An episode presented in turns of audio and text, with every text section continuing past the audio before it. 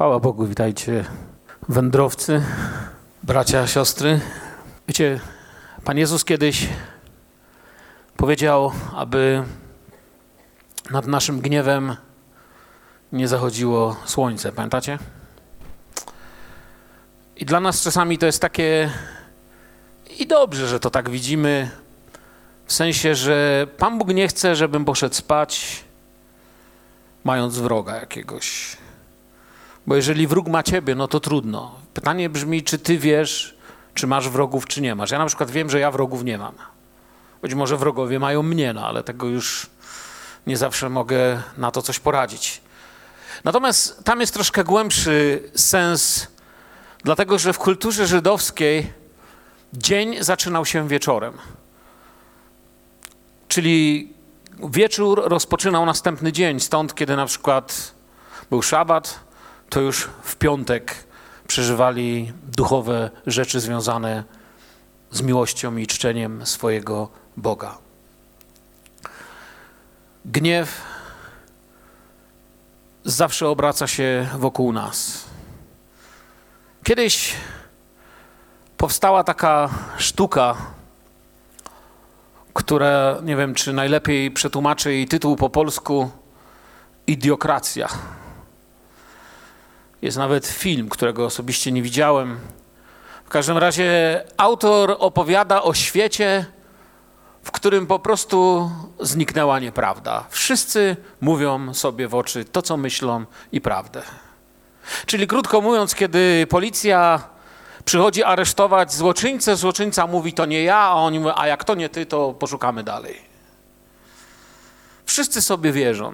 Do tego stopnia wszyscy sobie wierzą, mówią prawdę, że świat wie, że jest to tak niemożliwe, że nazwał to idiokracją. Niemożliwe. Wyobraźcie sobie, że kłamstwo, nieprawda zostaje zabrana z serc ludzi. Że gniew zostaje zabrany z serc ludzi. Jaki byłby świat? I Bóg powołuje nas do życia w wybaczeniu. Jezus mówi: Niech nie ma w tobie gniewu, kiedy zachodzi słońce, Dlatego, że wchodź w następny dzień z oczekiwaniem na to, co mam dla ciebie. I różne fragmenty Słowa Bożego pokazują nam, że gniew nigdy nie prowadził do niczego dobrego. Nie wiem, czy wy, ale ja się parę razy w życiu i to wcale nie, wcale nie tak dawno pogniewałem na różne rzeczy. Są rzeczy, które gniewają, a Bóg mówi: Miej w tym gniewie siłę posłuchać mnie. Miej w tym gniewie siłę wejść na grunt wiary również. Tak jak to robisz w chorobie, tak jak to robisz w różnych rzeczach, również w gniewie wierz mi. I chcę Wam dzisiaj przeczytać starotestamentową historię, znaną Wam już od szkółki albo z lekcji religii, jeśli nie chodziliście na szkółki. Historię tak znaną, że aż stała się źródłem różnego rodzaju przysłów. Wszyscy słyszeli, że Kain zabił kogo? Abla. Wszyscy rośniemy z tymi dwoma imionami. Ja też. Od dziecka słyszałem Kain, Abel. Fakt, że w czasie zanim zacząłem czytać Słowo Boże, trochę się miliło, który jest który ale tak trochę czułem, że to Kain to jest ten zły. Potem oczywiście, kiedy zacząłem czytać Słowo Boże, lepiej zrozumiałem tą historię. Po nawróceniu nawet zaczęła do mnie bardzo mocno docierać. Ale chcę wam powiedzieć, ta historia nie jest o tym, że było sobie dwóch braci, jeden dobry, drugi zły. Ta historia jest o tym, że było sobie dwóch braci i tak jak my jesteśmy braćmi i siostrami, byli sobie bracia, którzy stanęli przed wyborem. Przed wyborem dokładnie takim samym jak Twój dzisiejszy, wczorajszy, przedwczorajszy. Przed wyborami takimi samymi jak te jutrzejszego dnia. Wyborem, kim jestem przed Bogiem i w jaki sposób postrzegam mojego bliźniego. Wejdźmy może w ten fragment Słowa Bożego, który opowiada nam historię. To jest pierwsza księga Mojżeszowa, lub jak wolicie, księga rodzaju, czwarty rozdział. I przeczytajmy dla zachowania całości tej historii pierwszych 16 wersetów. Ja oczywiście będę się chciał podzielić tylko paroma myślami, bo dokładna egzegeza 16 wersetów to byśmy musieli, bym wam, musiałbym was zaprosić tu z takim, nie wiem, drugą kolacją, o tak byś to nazwało, nie drugie śniadanie. Bardzo głęboka, niezwykła historia. Adam poznał żonę swą Ewę, a ona poczęła i zrodziła Kaina, mówiąc: Otrzymałam mężczyznę od Jahwe. Potem znowu zrodziła brata jego Abla. Abel stał się pasterzem trzód, a Kain uprawiał rolę. I zdarzyło się po pewnym czasie, że Kain ofiarował dla Jahwe z płodów ziemi. Abel zaś ofiarował z pierworodnych trzody i ich tłuszcz. Jahwe wejrzał na Abla i na jego ofiarę, a na Kaina i jego ofiarę nie spojrzał. Dlatego rozgniewał się Kain, a jego twarz pochyliła się ku ziemi. I zapytał Jahwe Kaina, czemu się smucisz? I czemu pochyliła się twarz twoja ku ziemi? Jeżeli dobrze będziesz postępował, czyż nie wzniesiesz twarzy twojej? Jeśli zaś źle będziesz postępował, to grzech jako demon przy bramie, a jego skłonność będzie przeciw tobie, ale ty winieneś panować nad nim. I rzekł Kain do Abla, brata swego, wyjdźmy w pole. A gdy byli w polu, Kain rzucił się na Abla, brata swego, i zabił go. Wtedy zapytał Jahwe Kaina, gdzie jest brat twój, Abel? I odpowiedział, nie wiem, czyż jestem stróżem brata mego? I rzekł do niego Bóg, co uczyniłeś? Krew brata twego głośno woła do mnie z ziemi. Przeklęty będziesz na ziemi, która otwarła swe wnętrze, aby wchłonąć krew brata Twego, przelaną Twoją ręką. Gdy uprawiać będziesz tę ziemię, nie da Tobie plonu, tułaczem będziesz i zbiegiem na ziemi.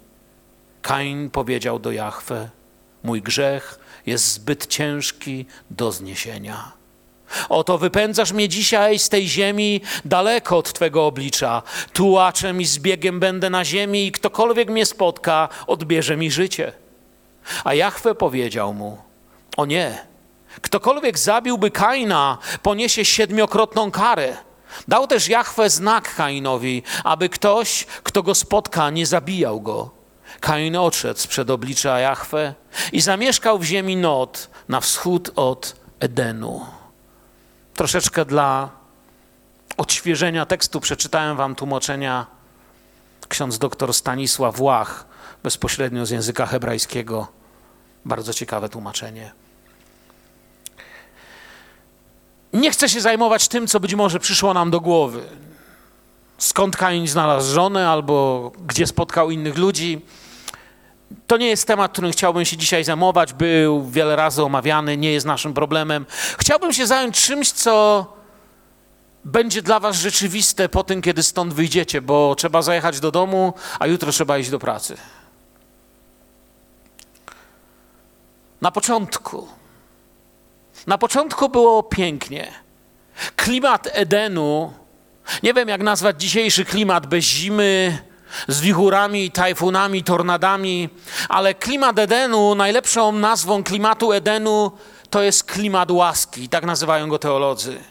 Tam jest ta wielka trójca błogosławieństw, która sprawia, że żyli spokojnie, a mianowicie poznanie Boga, nieśmiertelność i absolutna świętość. Przepiękne miejsce do życia, gdzie człowiek mógł się cieszyć i, że tak się poetycko wyrażę, kąpać dosłownie w Bożej miłości i obecności.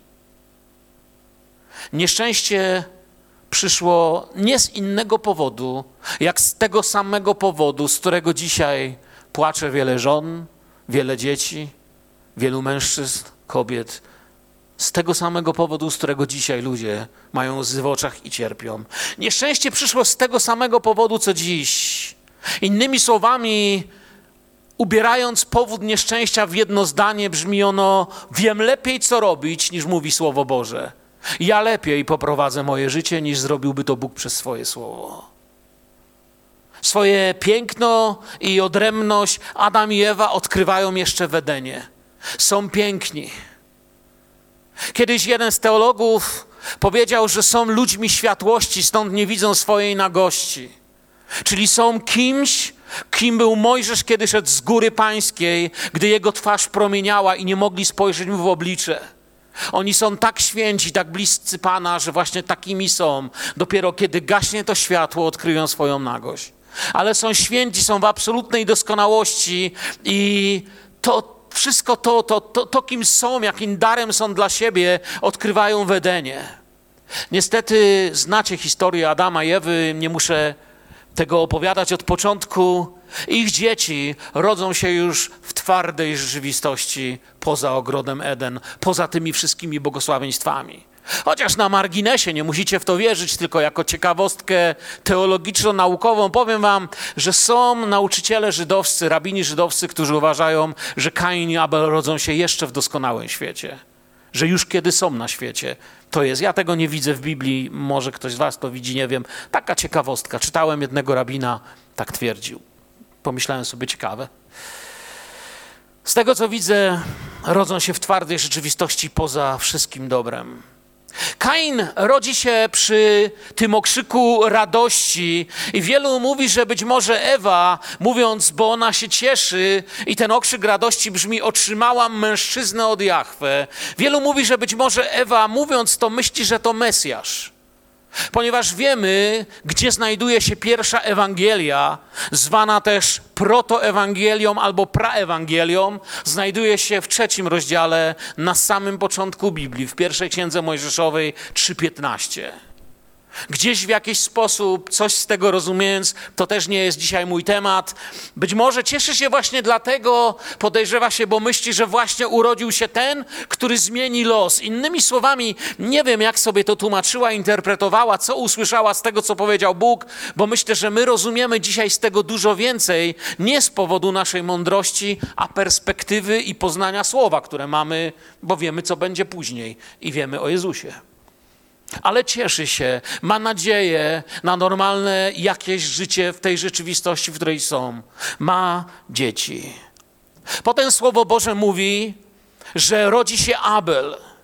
I oczywiście do dziś nie ma zgody i znowu trwa teologiczny spór, czy rodzi się później, czy też Kain i Abel są bliźniakami. Najczęściej uznaje się, że Kain i Abel są bliźniakami. Wiecie dlaczego? Dlatego, że w wypadku Kaina pisze, że poznał Adam Ewę i urodziła Kaina. Poznał, kiedy Stary Testament mówi, że mężczyzna poznał kobietę, to zna, tu, tu mówimy o współżyciu. Tu mówimy o akcie małżeńskim. W wypadku Abla już tego nie ma, więc uznaje się, że prawdopodobnie bliźniak, ale jak mówię, znowu nie jest to jakaś zbawienna prawda, że to jest bardzo ważne, czy tak, czy tak uważacie i od tego zależy, czy pójdziesz do nieba. Nie, taka ciekawostka. W każdym razie mamy dwóch braci i opowieść Pana Boga, opowieść Ducha Świętego przez Jego natchnione słowo dla Ciebie i dla mnie o Bożej miłości, o tym, jak mamy żyć. Całe Pismo jest natchnione, całe pismo pozyteczne, całe do nauczania, całe do wychowania, całe do tego, byśmy czegoś się z niego o Bogu i o tym, jak żyć nauczyli. Tak ono samo o sobie mówi. A więc później rodzi, rodzi się Abel i tak sobie rosną razem ze swoim bratem. Już od tej pory Adam i Ewa czy już w tamtym czasie Adam i Ewa przekonali się, jak boleśnie grzech zmienił świat. Kiedy byłem jeszcze początkującym chrześcijaninem, gdzieś przeczytałem, nawet nie umiem dziś powiedzieć gdzie, zapamiętałem tylko ten obraz, że nawet mucha zjadana przez pająka cierpi, bo całe stworzenie wespół oczekuje czegoś. Że stworzenie nie zostało stworzone do tego zabijania się, do tej sieci morderstw, do tej sieci zjadania się. Nie pojmuję tego moim rozumem. Wiem jedno, że Adam i Ewa musieli bardzo się smucić, patrząc, jak się zmienił świat, jak boleśnie grzech zmienił ich otoczenie. I czytając sobie dzisiaj tę historię, pomyślałem sobie, no tak, smucili się, ale nie wiedzieli, że najgorsze dopiero przed nimi. Potem czy w czasie, kiedy Bóg z nimi już rozmawia, dowiadują się, że człowiek od tej pory ciężką pracą będzie musiał zapewnić sobie byt. Do tej pory rozkoszowali się Bogiem. Do tej pory uwielbianie było sensem istnienia. Teraz trzeba będzie orać, siać, plewić, wyrywać z korzeniami, polować, bronić się, robi się nieciekawie. Człowiek ciężką pracą musi zapewnić sobie byt. I tak właśnie oto ich dzieci ciężko muszą pracować. Jeden w rolnictwie, drugi w hodowli zwierząt. Tyrają ciężko i pracują. I to jest smutna opowieść o tym też, jak człowiek stacza się w dół. Jak zdawałoby się, że w tym miejscu gdzieś powinno się coś zatrzymać i powiedzieć: Zobacz, gdzie jesteśmy, popatrz, co narobiliśmy. Ale nie. Człowiek stacza się w dół. Oto przed Wami położyłem dziś historię kolejnych złych wyborów, jakie dokonam. Jakie dokonali, przepraszam.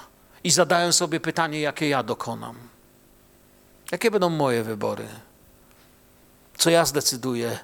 Czy te historie i ból, który nieraz oglądałem i jako pastor, jako duszpasterz, ale też sam, który na sobie niosłem, czy doświadczenia naszego życia czasami, czy to wszystko sprawi, że zechcemy powiedzieć: Panie, mów do mnie, ucz mnie. Panie, Ty widzisz, jak ja coś zdecyduję. Ty widzisz, Panie, że kiedy coś buduję na sobie, właśnie tak to wygląda. Oto historia złych wyborów, jakie dokonają bracia, czy jakie dokona jeden z braci dokładniej. Morderstwo brata to nie jest byle co. Chcę wam powiedzieć, tamten dzień, kiedy Kain zabija Abla, zmienia wszystko. Morderstwo brata pewnego dnia zacznie przynosić owoc, bo morderstwa rodzą morderstwa. Kiedy człowiek poczuł krew, to się zaczęło rodzić, to, to zaczęło obejmować świat. To gdzieś w ludzkim sercu pojawiło się jako możliwość. Parę tysięcy lat później dymiące kominy krematorium Auschwitz-Birkenau, dymiące kominy Bunhelwaldu, kliniki, w których usuwa się nienarodzone dzieci, są tylko efektem braku szacunku dla życia człowieka. Mówi się, że człowiek jest kowalem własnego losu, ale bez Boga niczego nie może. Kowal własnego losu.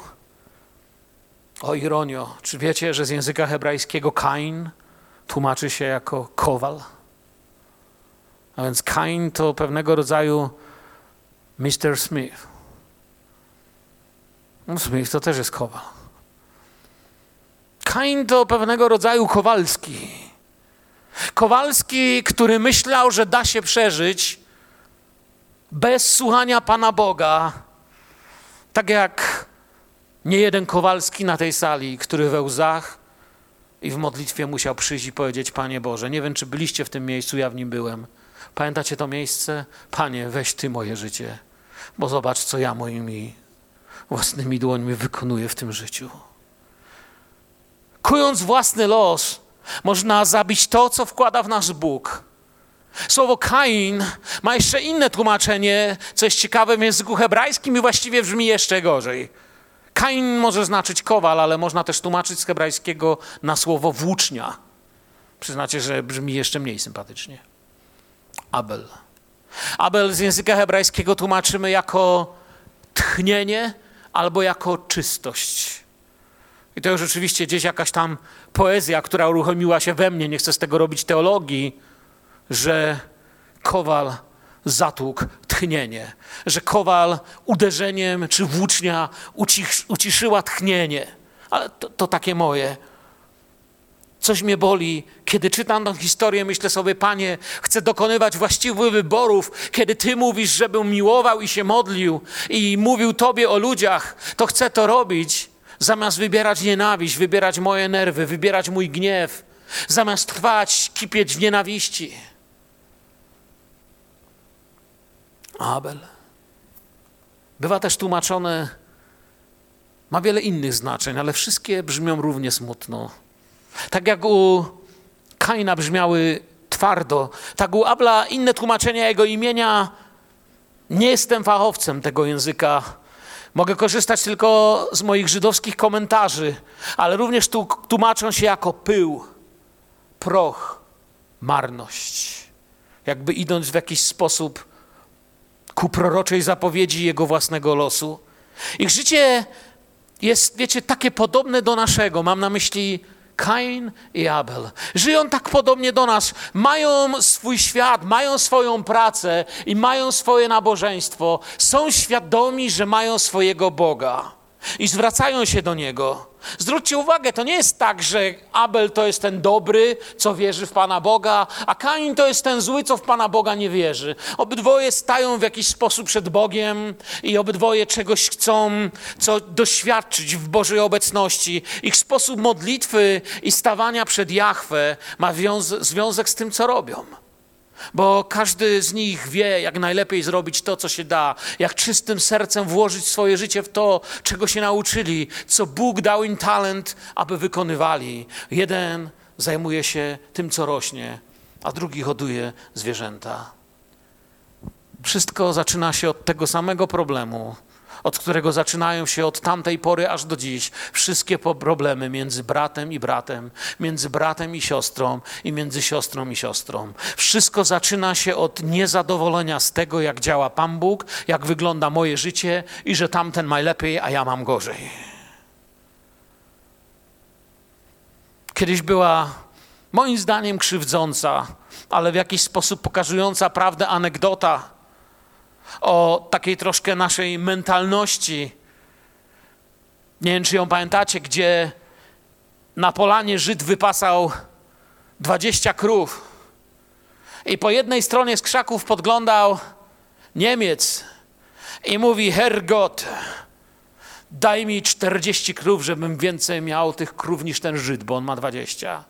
Ale po drugiej stronie w krzakach siedział Polak i podglądał i mówi: Boże, niech mu zdechną te krowy. Ja nie mam, niech on też nie ma. Trochę krzywdzące, ale jakoś czujemy gdzieś tam swojską nutę, nie? Nie wszyscy. Nie generalizuję, ale złapaliście przesłanie. Od tego się zaczyna każdy problem.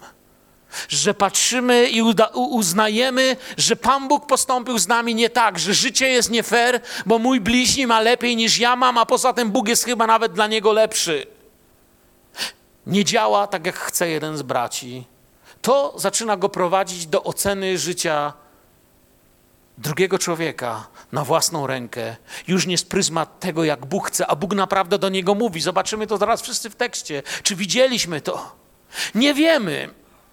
Są różne hipotezy i mogłoby, mógłbym na nie poświęcić tu 30 minut i nie wykończyłbym tematu, w jaki sposób Kain i Abel widzieli, czyja ofiara została przyjęta. Wiemy tylko, że to wiedzieli. I wiemy, że było to dla nich jasne i oczywiste i nie mieli co do tego żadnych wątpliwości. Człowiek, który podoba się Bogu, jest jakoś widoczny, inni to widzą, tak to działa. I najczęstszym powodem też nieprzyjęcia ofiary przez Boga dzisiaj i wtedy, jak zawsze, jest nieposłuszeństwo Jego słowu. Tak i koniec i amen. Bo Bóg każdego z nas może uczynić zdolnym, abyśmy mogli przynieść Mu chwałę, cześć i aby owoc naszego życia mógł być błogosławieństwem. Zgadzacie się ze mną? To jest uzdolnienie Boże. Nie z nas, Boży to dar. Od zbawienia do uwielbienia, do wszystkiego, co robimy. Bóg mówi mu, by nie wtrącał się w nie swoje sprawy, parafrazując. Ponieważ on zaczyna fuczyć na swojego brata, zaczyna się gniewać, coś w nim się zaczyna chmurzyć. Jego oblicze kieruje się ku ziemi. Celowo wybrałem właśnie to tłumaczenie, tak dosłownie oddające to, co się dzieje, kiedy opanowuje nas gniew. Zajmij się, Kain, sobą. Uważaj na siebie, bo u Twoich drzwi jest niebezpieczeństwo, a patrzysz na cudze. Co jest też i pierwszą lekcją dla nas, to jest to, czym powinienem się zająć. Kim ja jestem dziś, tutaj siedzący? Co kieruje moim życiem, moimi słowami, moimi telefonami, moim samochodem, moimi finansami, moimi motywami? To jest ta wielka prawda, że Bóg jest Bogiem motywów. Bóg się nie da nabrać na dekoracje, Bóg się nie da nabrać na to, co człowiek mu wymaluje i za co się przebierze. Maski można ubierać przed ludźmi. Jest to niezwykłe greckie słowo hipokryta, które z greki tłumaczymy człowiek trzymający przed swą twarzą maskę. Czy człowiek za maską, hipokryta. Przed Bogiem to nie działa. On widzi, co jest za maską, którą trzymamy. I mamy tu napisane, że Kain miał opuszczoną twarz. Co oznacza nic innego jak tutaj w tej kulturze, czy, czy, czy językowej, czy w tym sposobie przekazu słowem, oznacza zerwanie relacji z Bogiem. Przestał patrzeć na to, co w górze. Od razu skojarzył mi się ten werset z Nowego Testamentu, ten sam, który wam. Tego, co w górze szukajcie. Tego, co w górze szukajcie. Tu nie szukajcie, tu, tu nie ma. Widocznie Abel chodził z podniesioną w ufności twarzą. Nawet wtedy, nawet wtedy, kiedy Kain idzie, ja sobie go wyobraziłem, jak idzie, i jestem prawie pewny, że kiedy szedł, to nad jego głową była taka chmurka z takimi błyskawicami i szła równo z nim. Nawet wtedy Pan przybliża się i przemawia. Nawet wtedy Bóg mówi: Hej, pałacie na siebie. Jesteś człowiekiem gniewu. Zobacz, co robisz, zobacz, jak żyjesz. Chłopie kochany, popatrz, co ty robisz. Gdy Bóg nam nie błogosławi, nie powinniśmy się gniewać na naszych bliźnich. Może patrzysz na to, co mają inni, jak żyją inni. Nie wiem, na ich majątek, na ich dzieci, na ich życie i powiesz, dlaczego ja tego nie mam. Niemożliwe, żeby to było uczciwe, że oni mają. Nie myśl w ten sposób. Nie porównuj siebie. Porównywanie siebie z innymi jest jedną z, najgorszą, z najgorszych rzeczy, jakie możesz robić z Biblią w ręku. Biblia mówi, że jest jak zwierciadłem. Człowiek się ma przyjrzeć i na pewno nie powinien odchodzić, zostawać siebie tak, jakim jest. Gdy Bóg nam nie błogosławi, nie powinniśmy się gniewać na bliźnich, raczej wejrzeć w siebie i zobaczyć, co jest źle. To jest to, czego uczy nas ta historia w taki bardzo prosty sposób, to mówiąc, bo jeśli posłuchałby Kain Jahwe, jeśli posłuchałbyś Ducha Świętego, który ciągle ma do ciebie dostęp, zanim posuniesz się za daleko, zanim zgaśnie wokół ciebie światło, czy wokół mnie, mówię tak samo do siebie jak do was, nie wyciągam palca w waszym kierunku, zanim zgaśnie światło, Bóg chce mówić, Bóg mówi: Posłuchaj mnie, posłuchaj mojego słowa, a wtedy znów Twoja twarz wzniesie się do góry. Spójrz, ja mam dla ciebie wszystko, co trzeba. Posłuchaj mnie teraz. Bóg mówiąc do niego pokazuje, że to nie on jest odrzucany, ale jego dar. Nie wiem, czy to dostrzegacie. Przecież pisze wyraźnie, że Pan nie wejrzał na jego dar, ale zaraz potem widzimy, że jednak Bóg z nim ma społeczność i rozmawia. Widzicie to? Nie jest napisane, że nie wejrzał Pan i od tej pory ucichło i w ogóle już nie odzywał się do Kaina. Nie. Bóg z nim rozmawia. Czyli wyraźnie widzimy, że coś nie tak jest w darze, coś nie tak jest w jego sercu, ale Pan próbuje mu pomóc. Bóg jest Bogiem, który nie zostawia go w milczeniu w tej sprawie. I Bóg mówiąc do niego pokazuje, że nie odrzucam ciebie, Kain. Odrzuciłem to, co mi przyniosłeś. Odrzucam sposób, w który chcesz mnie uwielbiać. Dlatego nie jesteś szczęśliwy i patrzysz w ziemię. Ale mnie posłuchaj. Zamiast chcieć być jak Abel, on jednak postanawia Abla zabić. Zamiast skorzystać ze świadectwa brata, postanawia świadectwo brata uciszyć. Zamiast być jak Jezus, można ze swojego życia pozbyć się Jezusa. Nigdy nie zapomnę poruszającej dramy, którą lata temu widziałem i potem parę razy na, z różnych okazji odgrywaliśmy na różnych ewangelizacjach o człowieku, który przyjął Jezusa i postanowił jednak udać się na jakąś tam pijacką imprezę na jakieś tam inne tego typu w cudzysłowie przyjemności.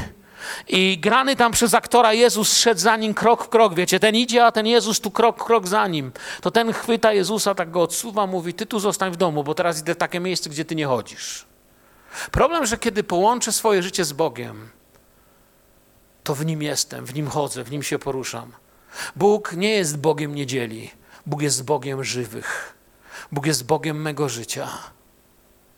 I w tej dramie jest poruszający moment. Ten człowiek w końcu traci cierpliwość, że ten Jezus za nim chodzi i chodzi i chodzi.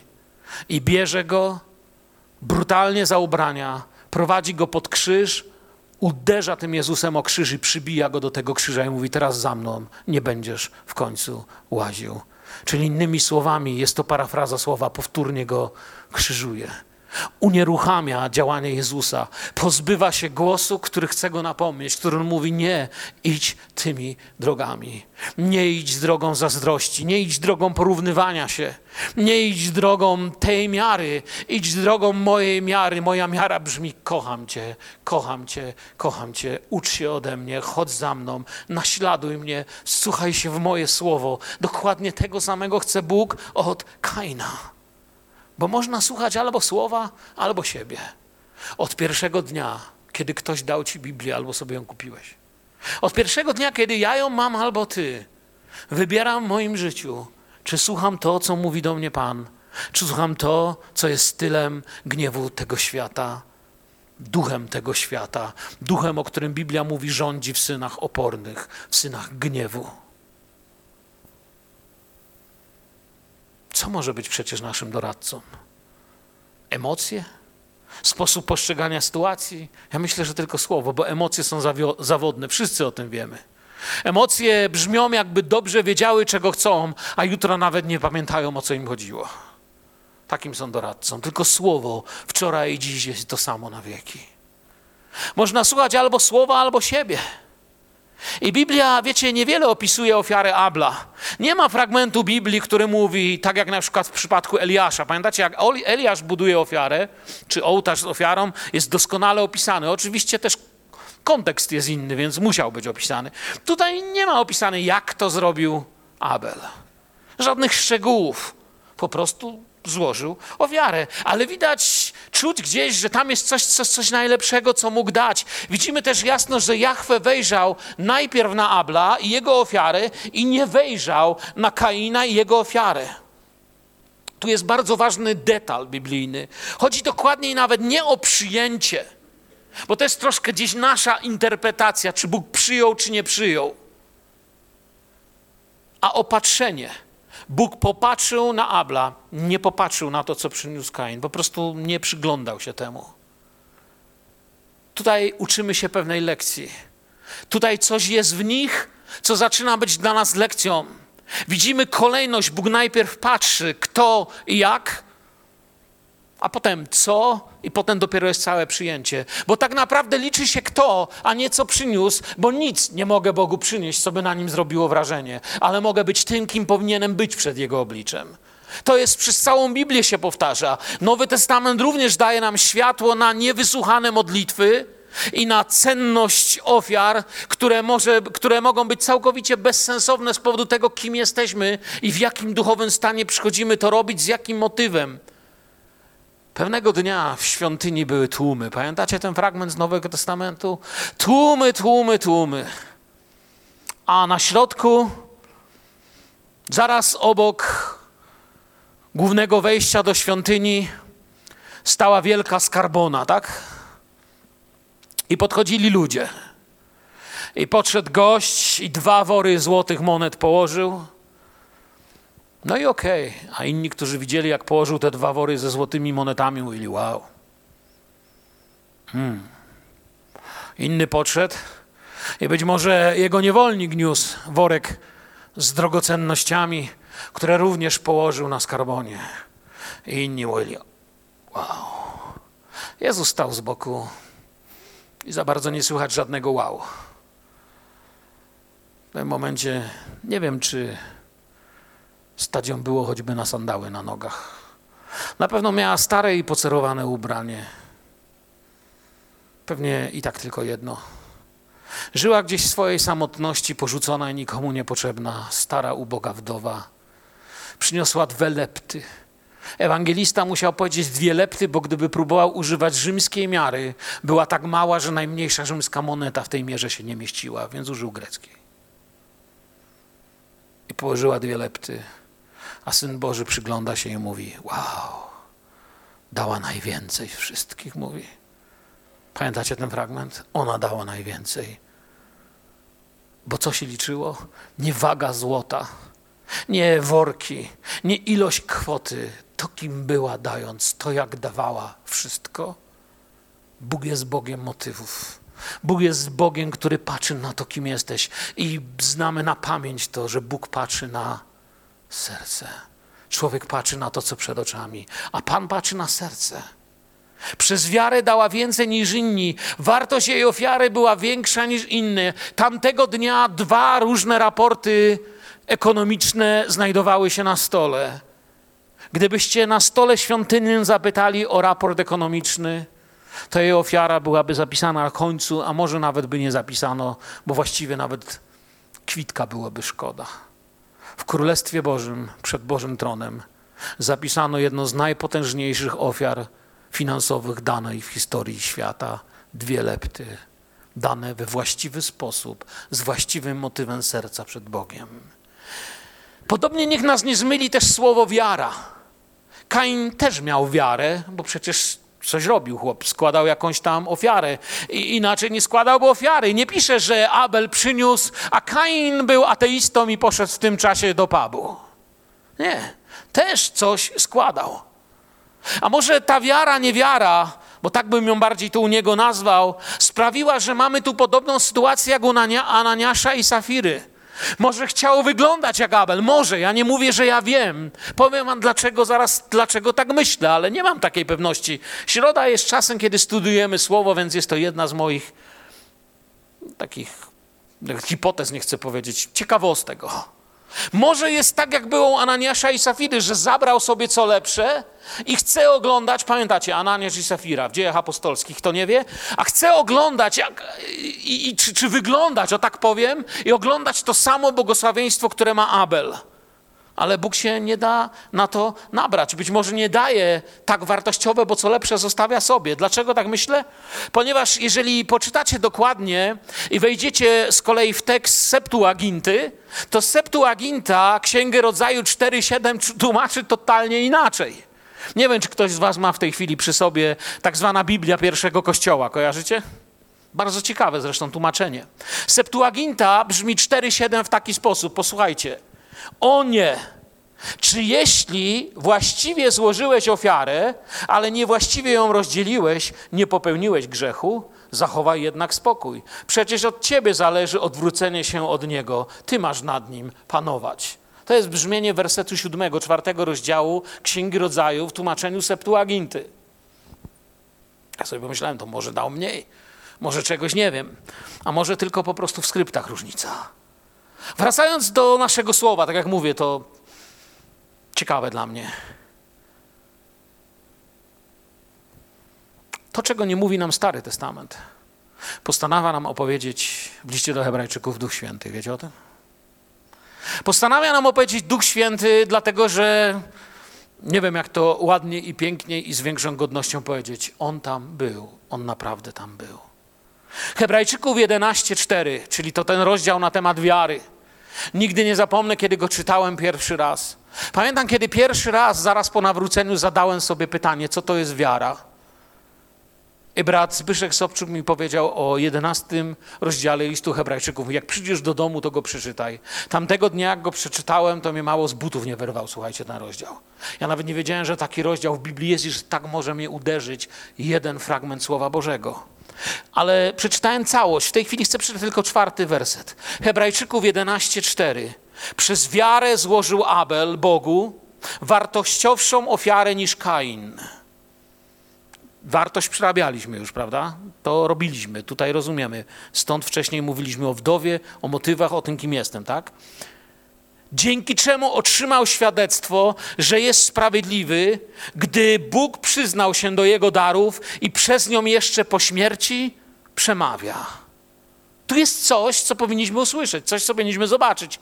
Może to oznaczać, że ofiara Abla nie była lepsza w sensie tego, co widać. Może to by było tak, że gdybyś ty przyszedł i gdybym ja przyszedł i patrzylibyśmy na Abla, a potem na Kaina, stwierdzilibyśmy, że właściwie mają to samo. Powiedzielibyśmy nawet, Panie, no nie wiem, czy tak sprawiedliwie, bo my patrzymy na to, co widać, ale Bóg patrzy na to, co jest w sercu. A więc być może to nie była lepsza lub gorsza ofiara w sensie tego, co widać, albo nawet nie być może, raczej na pewno tak. Nie wiem, czy tak się buduje zdania. Lecz w sensie tego, Bóg widzi głębiej. Jego ofiara była lepsza przez wiarę. Przez wiarę tutaj jest napisane. Bóg nam zwraca nasze oczy na wiarę. Przez wiarę złożył Abel Bogu. Teraz definicja wiary. Znowu mamy, jaka jest najlepsza definicja wiary? Hebrajczyków 1, 11, werset pierwszy. A wiara jest pewnością tego, czego się spodziewamy, przeświadczeniem o tym, czego nie widzimy. Tak brzmi ten werset. To jest ta definicja wiary. To może oznaczać, że ofiara Abla nie była, jeszcze raz mówię, w sensie, lepsza w sensie tego, co widać, lecz w sensie tego, czego człowiek spodziewa się od Boga. Jego ofiara była lepsza przez pewność, czego się spodziewał i pewność tego, o czym był przeświadczony. Coś, coś w jego sercu ja nawet teologicznego języka mi brakuje, powiem poetycko. Coś w jego sercu mignęło, zapaliło się, zaświeciło, y, pokochało, uchwyciło się Boga. Ta wiara przemawia, coś uczy, nadal tyle tysięcy lat później nadal chce mówić. Człowiek ma panować nad grzechem, będąc do dyspozycji Boga. Kiedy przyszedł Jezus, powiedział do nas tak: Ja niczego nie mówię, czego nie wziąłbym od Ojca. Kiedy coś czynił, to mówił, aby się wypełniło pismo. Kiedy cokolwiek czynił, cokolwiek robił, to wyraźnie nam wskazywał, że usłyszał to od Ojca, wziął to od Ojca, aby się wypełniły pisma, aby, albo mówił, jak napisano. Wszystko całkowicie, Syn Boży, do dyspozycji Boga panując nad grzechem we wszystkim, doświadczony podobnie do nas, z wyjątkiem grzechu. Kiedy przestajemy być do dyspozycji Boga, coś jest z nami nie tak. A więc być może historia nad, o Kainie i Ablu chce zadać Tobie i mi pytanie, czy jesteś do dyspozycji Boga, czy sam chcesz decydować, jak uwielbiać Boga? Czy chciałbyś się oddać do dyspozycji Boga w prawy sposób? Panie, wszystko dam, byś mnie użył. Kiedy chłopaki umawiały, umawiali się z dziewczynami, chodzili na bardzo kulturalne przyjęcia i angielskie herbatki. Kiedy każdy chłopak marzył, żeby poznać damę swojego serca, jest poruszający w życiorysie Hudsona Taylora. On nie chodził na te przyjęcia. On nie chodził na angielskie herbatki. Chodził na brzeg Morza Północnego i pewnego dnia przyklęk, przyklęknął na potężnym kamieniu nad brzegiem Morza Północnego. Dniami i miesiącami wołał: Boże, uczyń moje serce, użyj mnie, poślij mnie.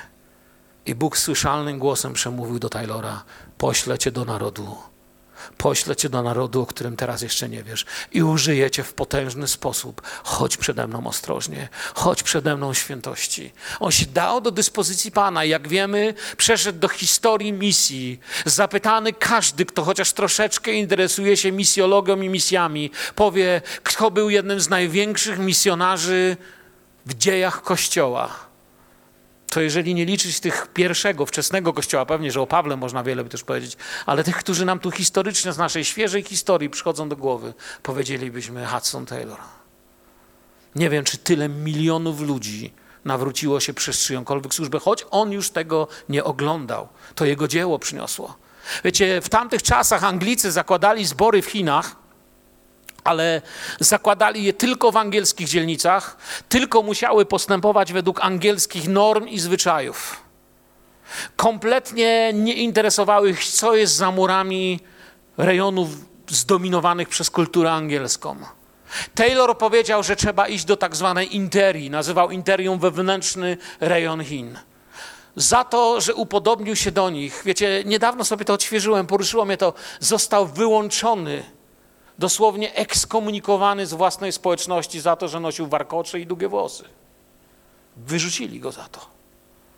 Potem oczywiście z honorami został przyjęty i tak dalej. Ponieważ mówił, muszę wyglądać i mówić jak oni, bo oni patrzą inaczej na kulturę. Oni nie rozumieli, kim jest człowiek w garniturze. Dla nich garnitur był, by, by, był synonimem wszystkiego, co jest nie tak ze światem. To nie chodzi znowu o modę, chodzi o serce, nie? Ale zrobił jedną różnicę. Tworzył kościoły, które opierały się na grupach związanych ze Słowem Bożym, a nie z pojedynczym liderem. Wiele lat później, kiedy nie doczekał tego, kiedy władzę przejął reżim komunistyczny, roznieśli kościoły oparte na pojedynczym liderze i zagranicznej pomocy. Kościoły oparte na trwaniu w Bożym Słowie dały co? dały to, że dzisiaj mamy ponad 200 milionów, a podobno niektórzy mówią dużo więcej. Nie wiem, jakie w końcu te prawdziwe dane są, ale w milionach, setkach milionów liczy się ilość wierzących ludzi. Wracając do naszej historii, aby ją skończyć powoli. Czy jestem do dyspozycji Boga, jak Hudson Taylor, jak Abel? Abel zapłacił cenę, Taylor zresztą też. Jedną z poruszających scen jego życiorysu, jeszcze wracając, mi nie daje spokoju, jest to, kiedy traci żonę, traci dziecko, traci wszystko, co się wydaje cenne, a jednak warto, a jednak Bóg daje mu błogosławieństwo. Co się dzieje z Kainem? Kain najpierw się zasmucił, dopiero potem skierował gniew na brata. Śmierć brata, jego brat, brak nie rozwiąże jego problemów, ale on tak myśli. Każdy gniew myśli, bo tym jest właśnie gniew. Dlatego Bóg mówi, niech, niech słońce nie zachodzi nad gniewem, bo gniew myśli, że jeżeli tego kogoś nie będzie, będzie się czuł lepiej. Bóg mówi, to tak nie działa. Dlatego gniew jest tak bliski z morderstwem w nauce Jezusa. Nieomal jednoznaczny. To tu dociera do niego Boże Słowo nie może powiedzieć nie wiedziałem. Na tym polega grzech, że Boże Słowo uważa się za nieistotne przy podejmowaniu decyzji. Kain mówi coś do Abla i Słowo Boże mówi, wyciąga go w pole, czy wyprowadza go w pole. W hebrajskim miejsce zbrodni to nie tyle yy, pole, my mamy, że po prostu wyprowadził go w pole, co puste miejsce, bez szans pomocy. Puste miejsce, gdzie nie ma nikogo. Można swojego brata, swojego bliźniego w taką pustkę wyprowadzić, żeby w końcu się poczuć silniejszym i lepszym. W wypadku Kaina tak puste, że zaczął działać w innym kluczu. Jeszcze do niedawna działał w kluczu, że Bóg tam jest i chce mu dać ofiarę. Teraz działa w kluczu, rzekł głupi w sercu swoim nie ma Boga. Na tak puste miejsce zabrał brata, że uwierzył, że nawet Bóg nie zauważy jego podstępu.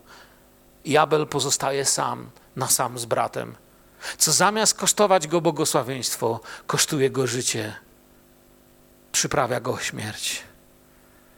Dlatego, o ile jednym z najważniejszych jest pięć najważniejszych pytań, przez całą Biblię, w historii człowieczeństwa. Pierwsze, najważniejsze pytanie w historii Biblii, w historii człowieczeństwa jest: Adamie, gdzie jesteś? Gdzie jesteś? Bóg zadaje Adamowi. Na to pytanie sobie człowiek musi odpowiedzieć. Drugie pytanie, najważniejsze w historiach wszystkich cywilizacji, to jest pytanie z tego miejsca: A gdzie jest Twój brat? Co się stało z ludźmi, którzy mieli przyjemność o Ciebie się otrzeć, Ciebie spotkać, z Tobą być? Co się stało z tymi, których w jakiś sposób gdzieś na życiowej drodze Bóg ci dał? Co im powiedziałeś? Co ich zrobiłeś? Dokąd zaprowadziłeś? Gdzie dzisiaj są? To nie jest wszystko jedno. To jest to, co nam dziś chce Pan powiedzieć przez Słowo. Nie jesteśmy przed Bogiem konkurencją. Jesteśmy rodziną, słyszycie mnie? To nie jest takie ładne powiedzenie, wiecie, tak se nie wiemy, jak se tu w kościółku posłodzić, to wam powiem, bracia i siostry, no co? Nie, my naprawdę nimi jesteśmy. Co naszymi braćmi i siostrami? Ojcze nasz, który jesteś w niebie. Jeśli twój, twój to ojciec i mój to ojciec, to może niedoskonały, ale jestem Twoim bratem. Konkurencja doprowadzi do tego, chcę, żebyście to usłyszeli, pewnego dnia któregoś z nas braknie, ale ktoś inny pośród nas będzie winny jest przeciwieństwem miłości, która się opiekuje. Kain zamiast ziarna wkłada w ziemię krew brata. Adam i Ewa mieli udział w zakazanym owocu poznania. Ich syn wyciąga rękę po życie, ma poznanie tego, co dobre, tego, co złe, wybiera zło. I wiecie, trup może został ukryty, ale człowiek czegoś nie wie, że Bóg wszystko widzi. Ziemia zaczyna krzyczeć przez krew Abla. Ta sama ziemia, z której był wzięty człowiek ta sama ziemia, z którego prochu powstał, zaczyna krzyczeć. Bóg tworzył człowieka z miłością, a teraz przez nienawiść do tej samej ziemi wsiąka krew. Tak bardzo grzech zmienia wszystko. Bóg brał i z tego stworzył, tchnął. Ale ta ziemia teraz wsiąka krew nienawiści. I to jest ciekawe, bo kiedy sobie po polsku czytamy, że krew Abla woła, to mamy krew po prostu, ale tam jest liczba mnoga. Ta krew to nie tylko Abla krew. To woła krew jego potomków, tych, którzy z niego by się urodzili, ale się nie urodzili. Jeszcze raz powiem, jest krwią tych, których się dziś morduje. Czasem się morduje nienarodzone dzieci. Kto wie, kim by byli, co by wynaleźli. Może byliby wielkimi doktorami, naukowcami, może bandytami, nie wiem, nie nasza rzecz, ale to jest coś więcej niż jedno życie. Nigdy jedno życie nie jest jednym życiem i dlatego krew jest w liczbie mnogiej tutaj, jeśli chodzi o oryginał. Tak jak z krwią każdego zabitego człowieka. Pierwszy zabity za wiarę. Abel, pierwszy męczennik, jakiego oglądamy w historii. Będzie ich potem wielu. Na arenach Rzymu, Kartaginy, pustkowiach Syberii, dżunglach Kambodży, Wietnamu, katowniach różnego rodzaju dyktatorów. Ale tu jest pierwszy.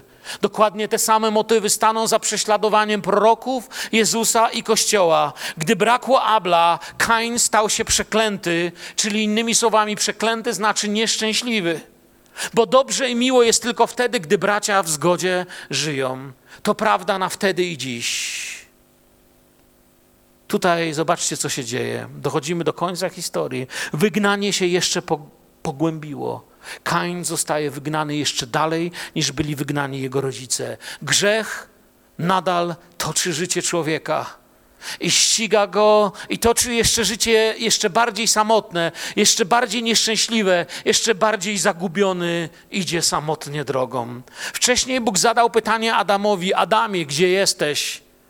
Teraz Boże serce przepełnia rozpacz. Kainie, gdzie jest Abel? Bóg wiedział, ale miłość zawsze pyta. Wcześniej głównym odpowiedzialnym był wąż. I zwalali winę na siebie. Teraz człowiek nauczył się, grzech pogłębił dzieło śmierci i zaczyna przynosić ten owoc. Już nie zwala winy na kogoś innego. Teraz mówi, a co ja jestem, jakiś stróż mojego brata? Pamiętacie, pierwsi grzesznicy tak trochę na tamtego, bo tam, bo, bo, bo to ta kobieta, co mi dałeś, to, to ten wąż, co tam łaził. Ale tu już nie ma takiego, takiej pokory. Nawet tego. Grzech w porodzie śmierci dojrzewa. Kain mówi, nie wiem, gdzie jest Abel, ale u Boga nigdy nie ma braku świadków. Abel uczy nas, że Bóg jest świadkiem naszej wiary, życia i śmierci. On się upomni i zada pytanie. Boga nie zadowoli odpowiedź, że nasz brat to se miał sam o siebie dbać.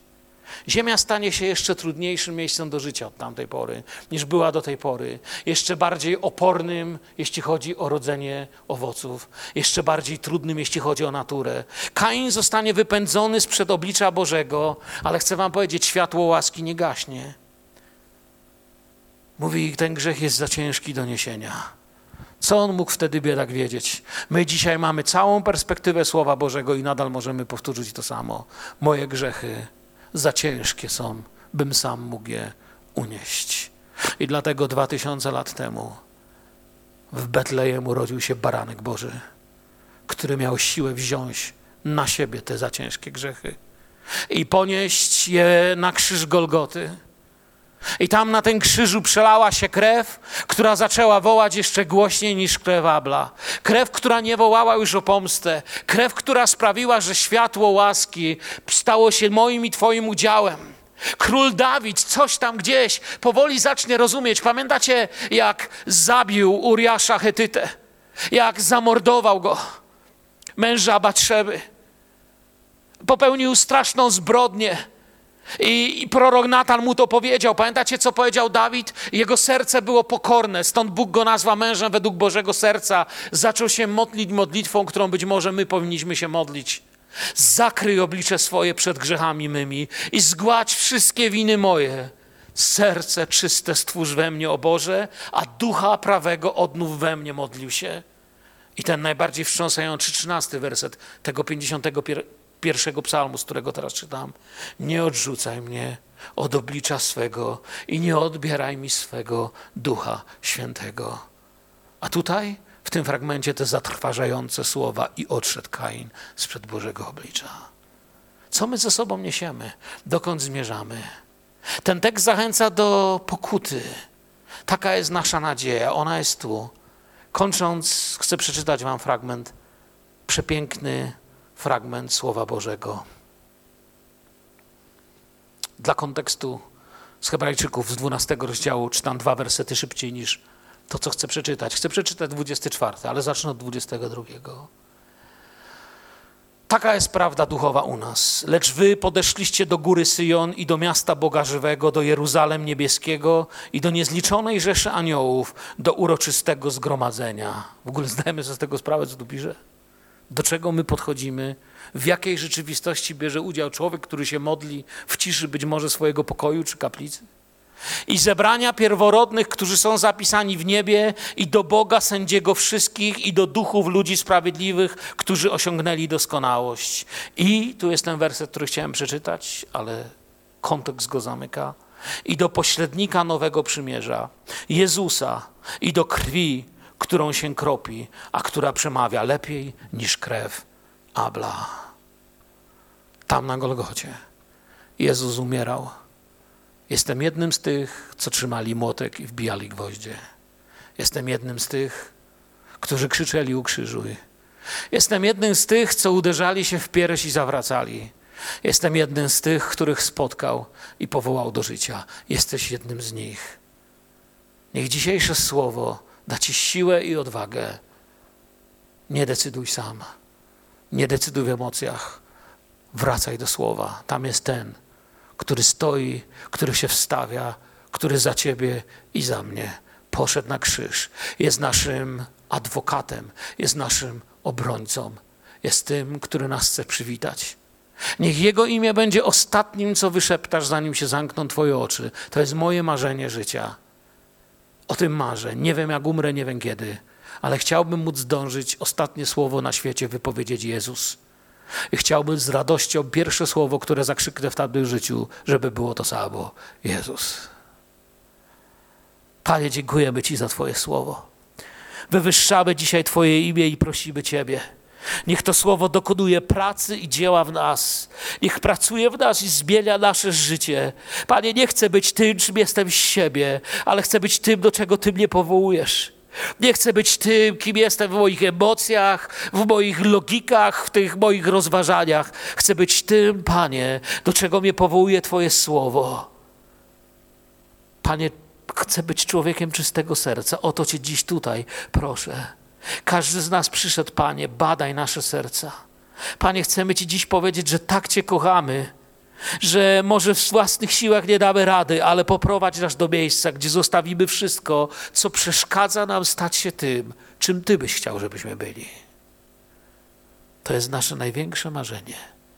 Idziemy dziś do domu i chcemy Ci powiedzieć: Kochamy Cię, chcemy Ciebie naśladować. Tobie chwała i cześć. Amen.